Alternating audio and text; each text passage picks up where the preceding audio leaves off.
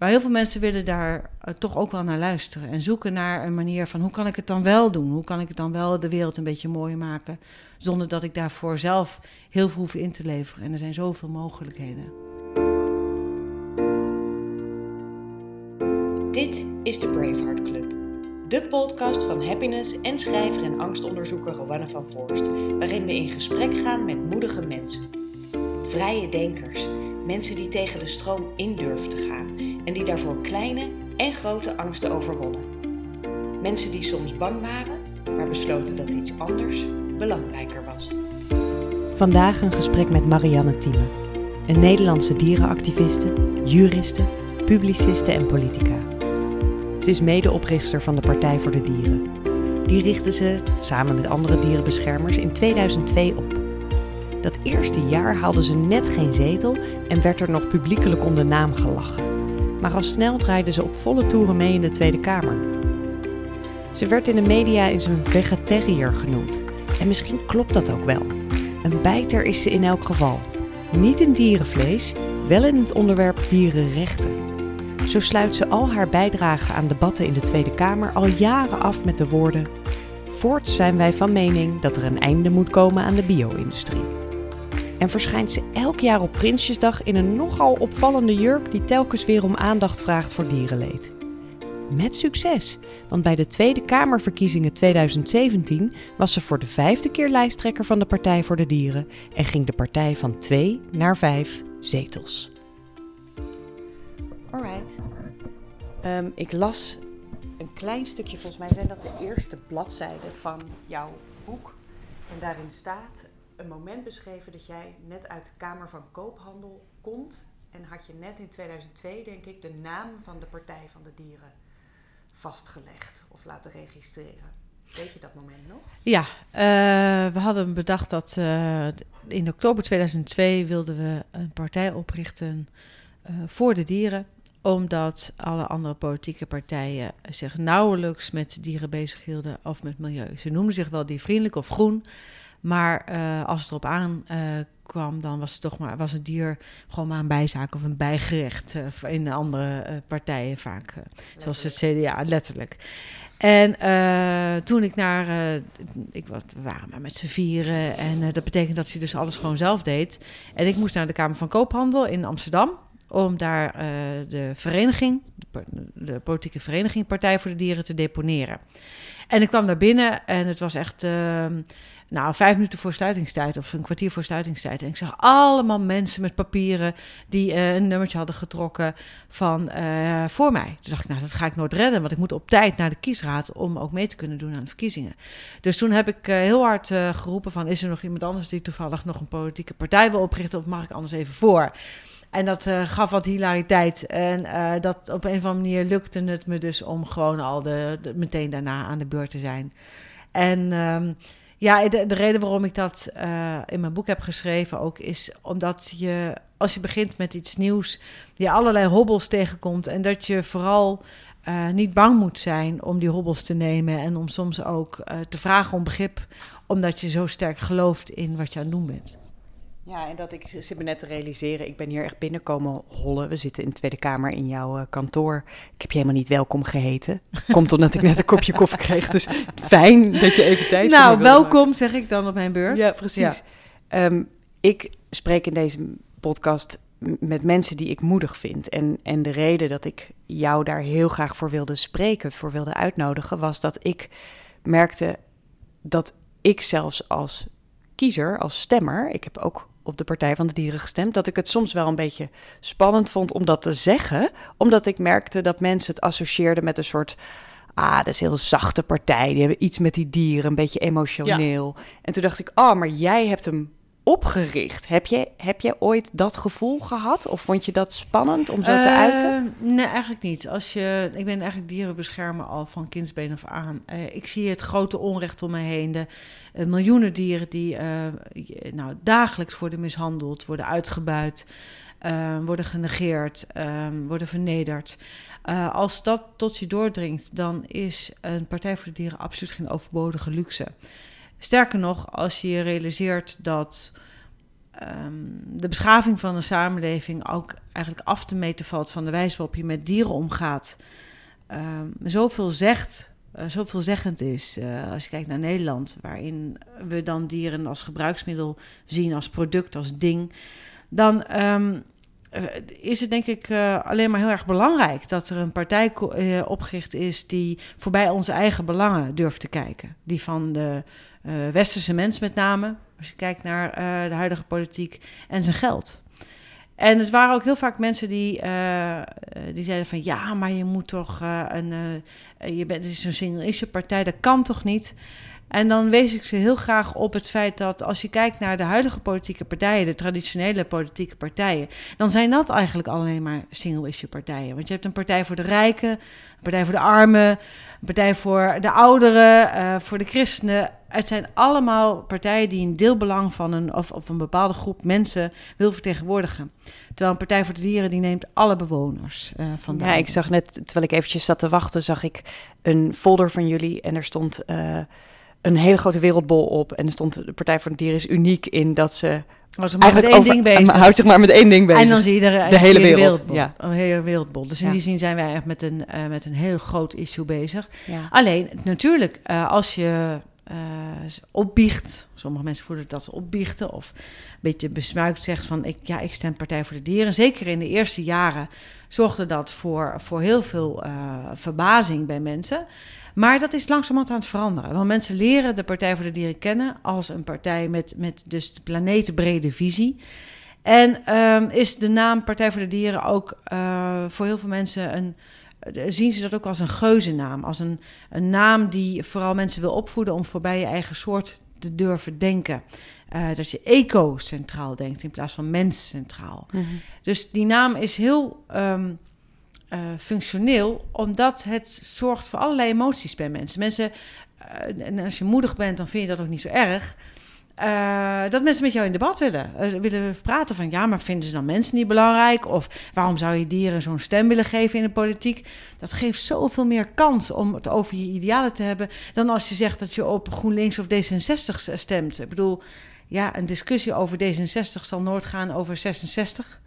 Uh, dus het feit dat mensen vooral over de naam willen discussiëren, zegt iets over de ongemakkelijkheid soms nog om dieren serieus te nemen. En uh, dat is iets wat we willen veranderen. Ja, en dat herken ik ook wel. Hè. Ik bedoel, als ik uh, mijn nieuwe boek of mijn onderzoek gaat veel over dieren en de bio-industrie in Nederland. Maar ik merk ook wel dat de reacties zijn extreem emotioneel van mensen. Dus zelfs als ik niet iets normatiefs zeg of beschuldigend, maar mensen gewoon ja. weten dat je ermee bezig bent, worden mensen toch boos, omdat het natuurlijk iedereen aangaat ja. en mensen zich snel een beetje aangevallen voelen, omdat ze misschien nog wel hun biefstukje eten. Ja. Um, daar zullen jullie nog veel vaker tegenaan lopen. Ja, vaak wordt er gezegd dat de emotie zit bij de dierenbeschermer of bij de dierenliefhebber, uh, maar de emotie zit vaak aan de andere kant. Uh, een soort uh, onbewust schuldgevoel. Van dat we ergens diep in ons wel weten dat uh, wij mensen willen, uh, daar ben ik van overtuigd, eigenlijk gewoon het goede doen in principe, maar worden daar vaak van afge,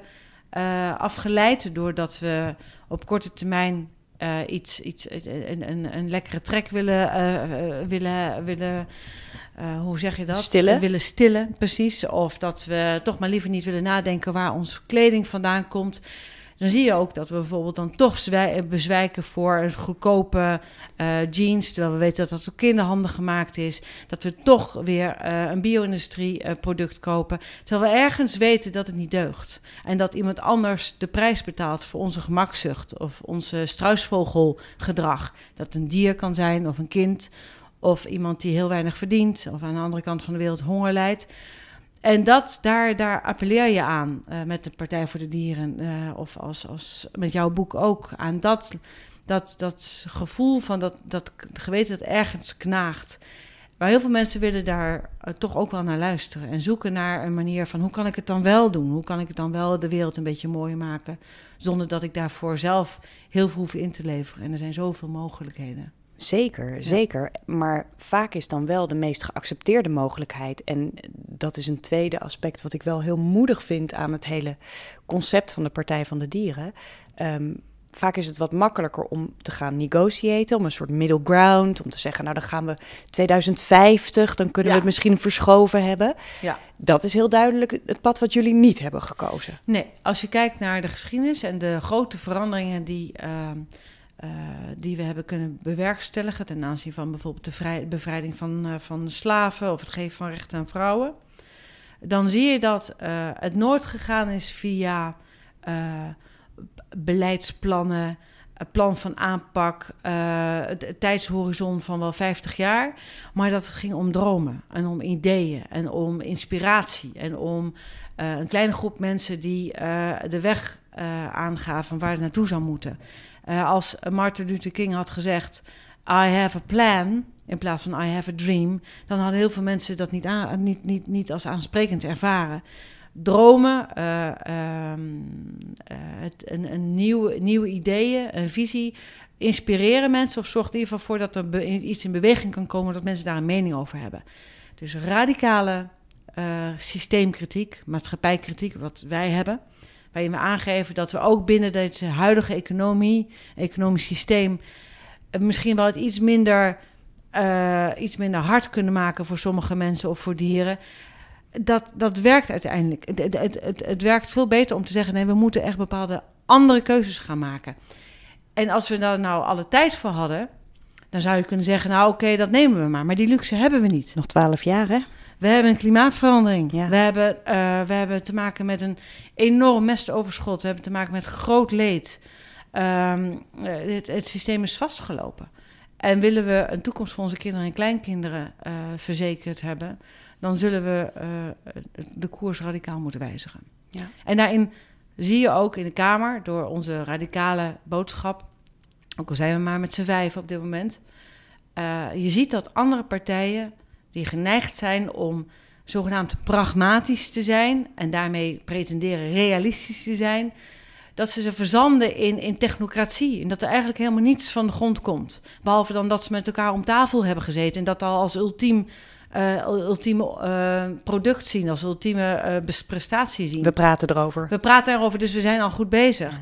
En wij zien dat we door, door, door die aanjager te zijn, dat we die partijen ook groener laten zijn, diervriendelijker laten zijn. Dus dan krijg je eigenlijk een verschuiving over het hele spectrum. Dat Jazeker. Dan... En dat komt en dat kun je doen vanuit bijvoorbeeld Greenpeace of uh, Wereld Natuurfonds. Maar je bent niet echt een bedreiging voor, voor de politiek, omdat je, je staat aan de kant. Maar als je een bedreiging vormt omdat ze zetels aan je kunnen verliezen, is wel een heel andere, andere kracht die dan, andere invloed die je dan aanwendt. Ik merk zelf dat um, als ik ik probeer een, een toekomstbeeld te schetsen. Ik vind het best spannend, omdat ik ook weet dat dat uitwekt dat het vaak wordt weggewoven van achter is naïef. Ik hoor jou helemaal niet. Ik hoor jou veel zelfverzekerder. Dus volgens mij sta je daar veel steviger in. Zo van bring it maar on, die discussie. Absoluut. Idealisme is echt het nieuwe realisme. Uh, dat is uit. Het is naïef om te denken dat we door kunnen gaan met onze huidige consumptiepatroon van dat is vlees eten. Dat is pas naïef. Het is naïef om te denken dat we maar eindeloos kunnen groeien qua, qua nationaal inkomen, economische groei, op een planeet die niet mee kan groeien. Dus die naïviteit zit, uh, en dat is nog positief geformuleerd, zit met name bij, de, bij het establishment. Ik zou zelfs durven te beweren dat het niet zozeer naïviteit is, als wel uh, echt struisvogelpolitiek en vooral eigen belang. Om mensen toch maar te blijven beloven dat we nog steeds door kunnen gaan op de oude, oude weg.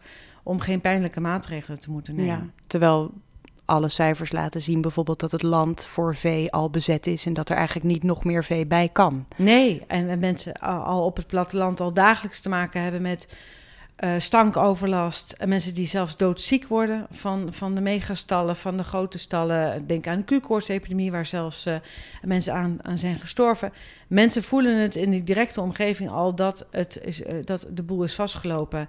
Het feit dat er, dat er in april minder bijen zijn dan normaal te verwachten valt. heeft alles te maken met het feit dat er zoveel landbouwgif wordt gespoten. Dat de temperaturen anders zijn uh, dan een aantal decennia geleden. En geen diversiteit meer qua planten en bloemen, hè? Nee, precies. En zonder, zonder diversiteit is er geen eten. Dus wij zagen aan de tak waarop we zitten. En dat voelen steeds meer mensen. Het probleem is alleen Dat ook in de Kamer wordt het ook wel gevoeld, bij traditionele partijen, bij het kabinet. Maar wat gaan ze dan doen? Dan gaan ze niet de vervuiler laten betalen, maar dan gaan ze mensen hogere energie, energierekeningen bijvoorbeeld voorschotelen. In plaats van dat we de fossiele industrie gaan belasten in plaats van subsidiëren. Dus ze maken ook wel keuzes waardoor mensen langzamerhand ook het gevoel hebben: ja, maar de economische crisis en de bankencrisis, daar hebben we al voor moeten betalen. En dan moeten we ook nog, ik met een kleine beurs, moet ik ook nog daarvoor gaan betalen. En heeft dat eigenlijk wel zin? Dat, dat ondermijnt natuurlijk ook uh, op zich het, de, de, de, de, de motivatie van heel veel mensen om het goede te willen doen. En heus wel een steentje te willen bijdragen.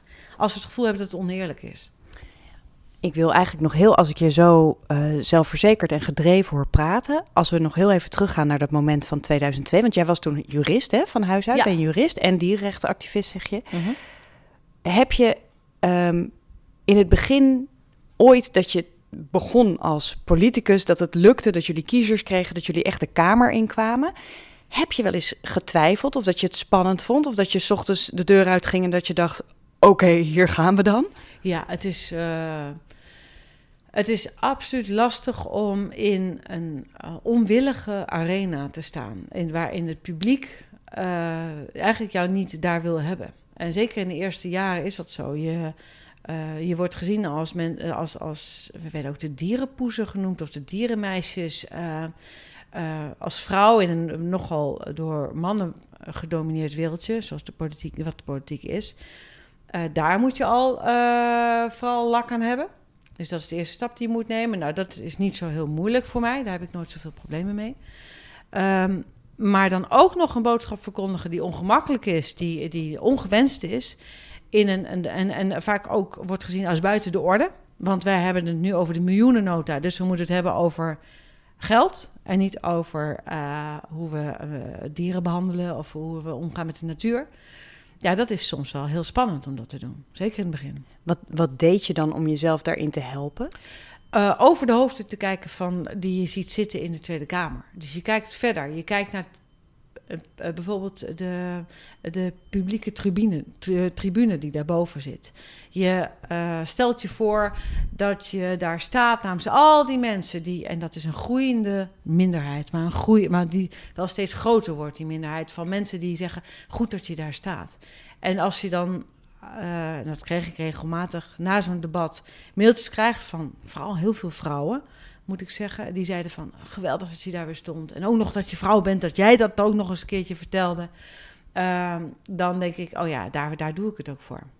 Ja, ja en inmiddels is, um, ik zat vanochtend me nog even voor te bereiden en ik las dat je zou kunnen zeggen dat de Partij voor de Dieren het grootste ideologische exportproduct eigenlijk is hè, van Nederland. Want er zijn geloof ik inmiddels... Twintig. Twintig partijen voor dieren in de wereld. Ja, en waarvan er uh, in Portugal al, al heel veel zetels hebben. In gemeentes en in uh, ook provincies en uh, nationaal parlement. Zelfs op Madeira zitten we in, de, in het parlement. En in New South Wales, een, groot, een grote provincie van, van Australië, zitten we in de Senaat. Dus je ziet dat het aan het groeien is. En wat ik zo bijzonder vind, is dat je zou denken dat een Partij voor de Dieren, dat wordt vaak ons verweten. Oh, dat is een decadente partij, want we hebben toch zoveel armoede en dan beginnen jullie over de dieren. Dat met name in die landen die zo ontzettend geleden hebben onder de economische crisis, zoals uh, Portugal en Spanje, Cyprus, dat daar partijen voor de dieren worden opgericht en daar heel succesvol al zijn. Dat komt omdat, denk ik, mensen in deze tijd, en dat is denk ik echt de tijdgeest, uh, zich steeds meer uh, bewust ervan zijn dat we geld niet kunnen eten. Dat we gevangen zitten in een eenzijdige economische logica, waarbij al onze zorgen en verlangens worden uitgedrukt in geld. In plaats van de echte waarden weer voorop stellen. Van uh, zekerheid, zorg voor elkaar, um, een soort gemeenschapszin. En dat mensen daarnaar snakken, naar idealisten en naar, naar, naar integriteit en authenticiteit. En uh, ik denk dat dat de reden is waarom ook in die landen waar weinig vertrouwen meer is in de politiek, uh, mensen aan de lijf hebben uh, ervaren hoe het is om, om slachtoffer te worden van een fout economisch systeem, dat ze daarom zo'n Partij voor de Dieren als een, een serieus alternatief zien. Ja, ik moet ineens denken, dat is een, een, een lichtelijke zijsprong. Maar toen ik jong was, verkocht ik kaarten voor het goede doel. Ja. En dan werden wij wel eens afgezet in hele rijke wijken. Daar verkochten we nooit wat. We werden ook wel eens afgezet in enorme volkswijken. En daar kocht bijna iedereen die kaarten. Bijzonder. Omdat ze zeiden, eh ah kind, kom maar hier, kost maar een tientje. ja. En ik heb daar later, toen ik antropoloog werd, nog wel vaak over nagedacht. Omdat ik veel armoedeonderzoek deed. En dacht, je vindt wel vaak, zonder dat te willen idealiseren of romantiseren... mensen hebben elkaar vaak nodig. En zijn dus gewend om elkaar constant leningjes, giftjes ja. eh, te Ja, helpen. Ja, ja, ja. ja. Om gewoon wat meer vanuit het minderheidsperspectief te denken. Misschien speelt dat hier ook wel een rol. Ja, ja. Ik, ik kan me nog herinneren een keer dat eh, eh, iemand, een, een, een moeder met jonge kinderen in de bijstand, die stuurde mij een mail omdat ze zo langzamerhand het zo zat was om altijd maar op de radio te horen dat eh, eh, biologische producten, dat, eh, dat, die, dat, dat, dat alleen maar voor de rijken was en dat, dat, dat, dat dat natuurlijk niet bereikbaar was voor de bijstandsmoeder. En dat zij zei, alsof wij zelf geen ethisch besef zouden hebben. Alsof ik als bijstandsmoeder niet zou denken, nou weet je wat, dan eet ik maar wat minder vlees, maar dan, dat wat ik dan koop, dat is dan biologisch. Dus dat ik daarvoor spaar om dat wel te doen. En dat, eh, dat, dat zij, was, zij was beledigd eigenlijk dat er altijd werd, eh, vanuit werd gegaan dat het goede gedrag alleen maar bij mensen met geld te vinden zou zijn. Als het gaat om eh, wat duurdere producten kopen. Ja.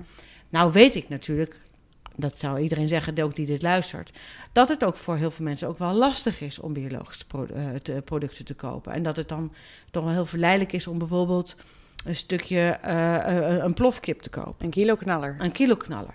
En daarom denk ik ook dat het ontzettend belangrijk is om de belasting, de BTW die we betalen op, op, op ons voedsel, dat als het gaat om gezond en, en, en, en, en duurzaam voedsel, dat we daar de BTW op moeten verlagen, zoals groente en fruit. En op vlees bijvoorbeeld moeten verhogen. Zo kunnen we gezonder worden, diervriendelijker en duurzamer tegelijkertijd. En wordt het voor iedereen ook aantrekkelijker om, om die keuzes te maken. Ja. Heb jij, ehm, want ik, ik denk wel eens van het is eh, lastig voor mensen omdat het in de eigen portemonnee Ja. gebeurt. Maar het is misschien ook wel lastig voor mensen omdat het vaak, hè, er wordt wel veel gesproken over wat er allemaal verkeerd gaat, klimaatveranderingen.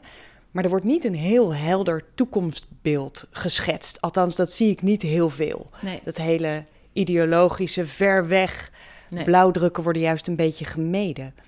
Is dat, proberen jullie dat heel bewust wel te doen? Want ik, jouw film is live, jullie film is live. Ja, Partij van Powerplant kijken op internet. Powerplant. En Ja. er komen boeken uit. Dus jullie proberen echt een soort eh, ja, toekomstbeeld te schetsen. Ja, ja, ook als reactie op eh, bijvoorbeeld een uitspraak van eh, minister-president Rutte... Voor, voor, voor visie moet je naar de oogarts. Dus wel dat, je, dat, dat, dat is een beetje wat je in de politiek heel veel ziet. Dat er geen visie meer is, korte termijn denken.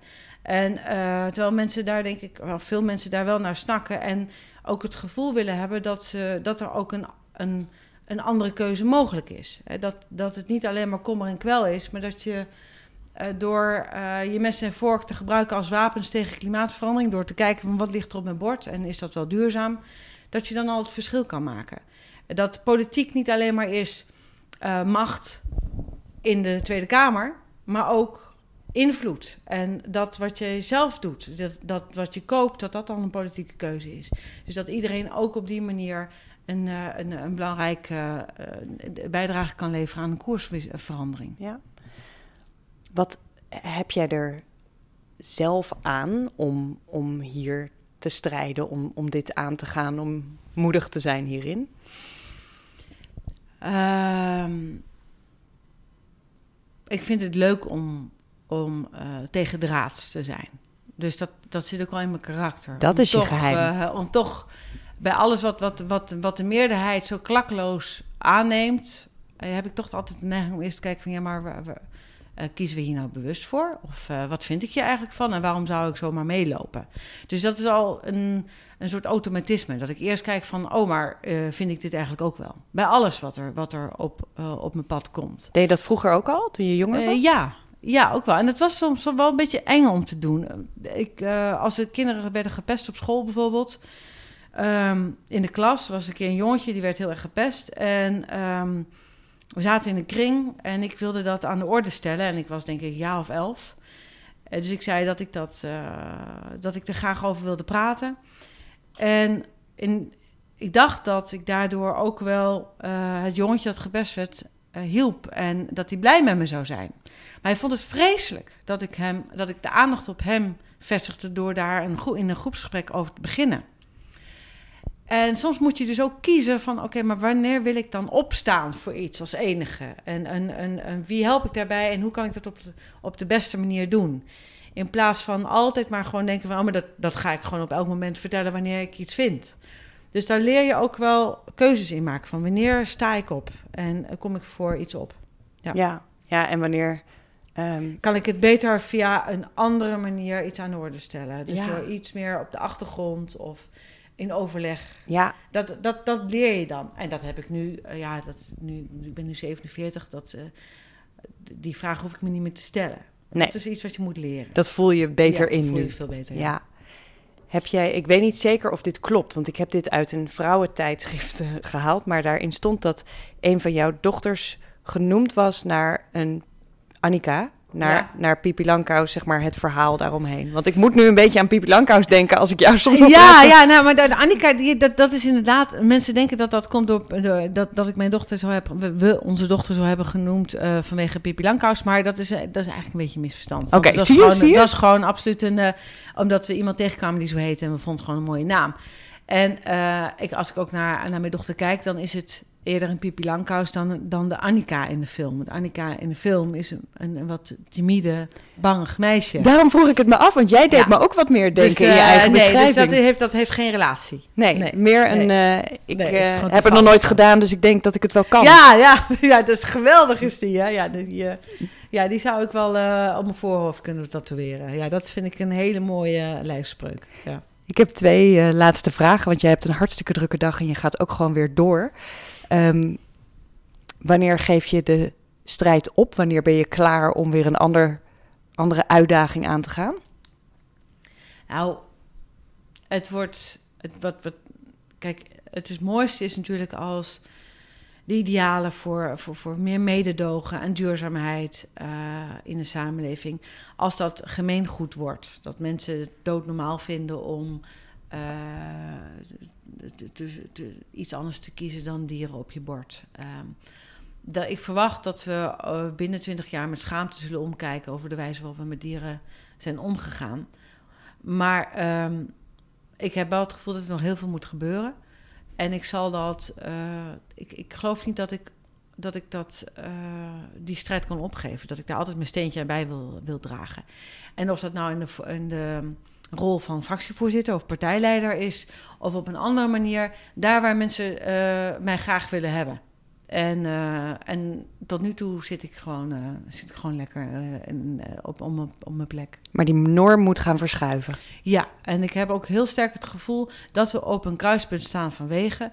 De afgelopen tien jaar is, het, is bijvoorbeeld de, de vleesconsumptie drastisch gedaald. En eet nog maar één op de vijf Nederlanders elke dag vlees. Nou, dat hadden we nooit kunnen denken vroeger. Uh, mensen zijn zich wel steeds meer bewust. Er is ook een tegenkracht van enorm veel. Uh, de Monsanto's van deze wereld, de megastallen die oprukken, klimaatskeptici. Dus er is ook een enorme tegenkracht. Maar dat zie je vaak op het moment dat je op het punt staat van transitie. Dat die tegenkracht, een achterhoedegevecht, dat neemt nog even toe. En daarna, dat is een soort van revolutionair moment. En die gaat niet met geweld, maar die gaat op een stille manier. Waardoor op een gegeven moment iedereen denkt: hé, hey, het is gewoon nieuwe normaal. Net als roken. We dachten vroeger dat zou nooit ophouden. Dat zou gewoon altijd normaal blijven. Dat wordt nu toch een beetje gezien als abnormaal. Dat hadden, dat, dat, ik denk dat dat met het gebruik van dieren ook gaat gebeuren. Ik ga er nog één hele korte tussendoor fietsen, ja. maar daarna ben je echt klaar. Um, want ik vind je niet alleen vrij krachtig, maar ook wel enorm hoopvol. Heb je wel eens dat je dat een beetje kwijtraakt? En hoe pomp je jezelf dan weer op? Of blijft dat gewoon automatisch? Nou, als ik uh, naar uh, Den Haag uh, ga, en dat gaat ook wel eens met de auto, dan rij ik vaak langs die veewagens. met varkens en die snuitjes die er dan zo tussendoor steken, tussen die spijlen. En dan, heb ik, dan zeg ik altijd sorry, ik vind dat zo afschuwelijk als ik dat zie. En dan weet ik ook weer waarom ik het doe. Uh, soms dan zakt de hoop me ook wel heel even, of de moed me ook wel in de schoenen. Als ik dat dan zie, dat het gewoon door blijft gaan. Uh, maar als je dan weer om je heen hoort van mensen die geïnspireerd zijn geraakt door de lezing die ik heb gegeven. Of dat we samen, dat, dat, dat mijn collega een geweldige motie aangenomen heeft gekregen. Waardoor je ziet dat dingen veranderen hier in de Kamer. Ja, dan, dan ben ik al heel snel weer uh, erg hoopvol. En als idealist moet je ook de, de tussenstops, de, de, de, de, de, tussenresultaten ook vieren. Dus niet alleen maar blijven focussen op... ik ben pas gelukkig of blij als de laatste, die, het laatste dier uit de bio-industrie uh, verdwenen is. Dan kan je heel snel depressief worden. Ja, ja. Maar je ziet gewoon om je heen, de tijd is er rijp voor. Mensen willen anders. En je hebt een voorhoede nodig om de rest gewoon mee te laten, laten lopen. Ja, dat is een mooie tip. Dus ook gewoon goed stilstaan bij alles wat dan al wel aan het veranderen ja, is. Ja, absoluut. Dus voor, denk ik voor alle activisten ja. Uh, een hele belangrijke. Dat denk ik wel. Ik stel deze vraag aan, aan iedereen die ik, uh, met, met wie ik mag praten. Wat is moed voor jou? Hoe zou jij dat definiëren? Um, onverschrokkenheid, waarbij uh, uh, je niet gericht bent op prestatie, maar op je best doen. En dat dat goed genoeg is. Dankjewel. Dit was hem, mijn interview met Braveheart Marianne Thieme. Wil je nou meer inspirerende gesprekken horen die ik met andere moedige mensen mocht voeren? Abonneer je dan op deze podcast of kijk even op www.happiness.nl slash braveheart. Tot snel!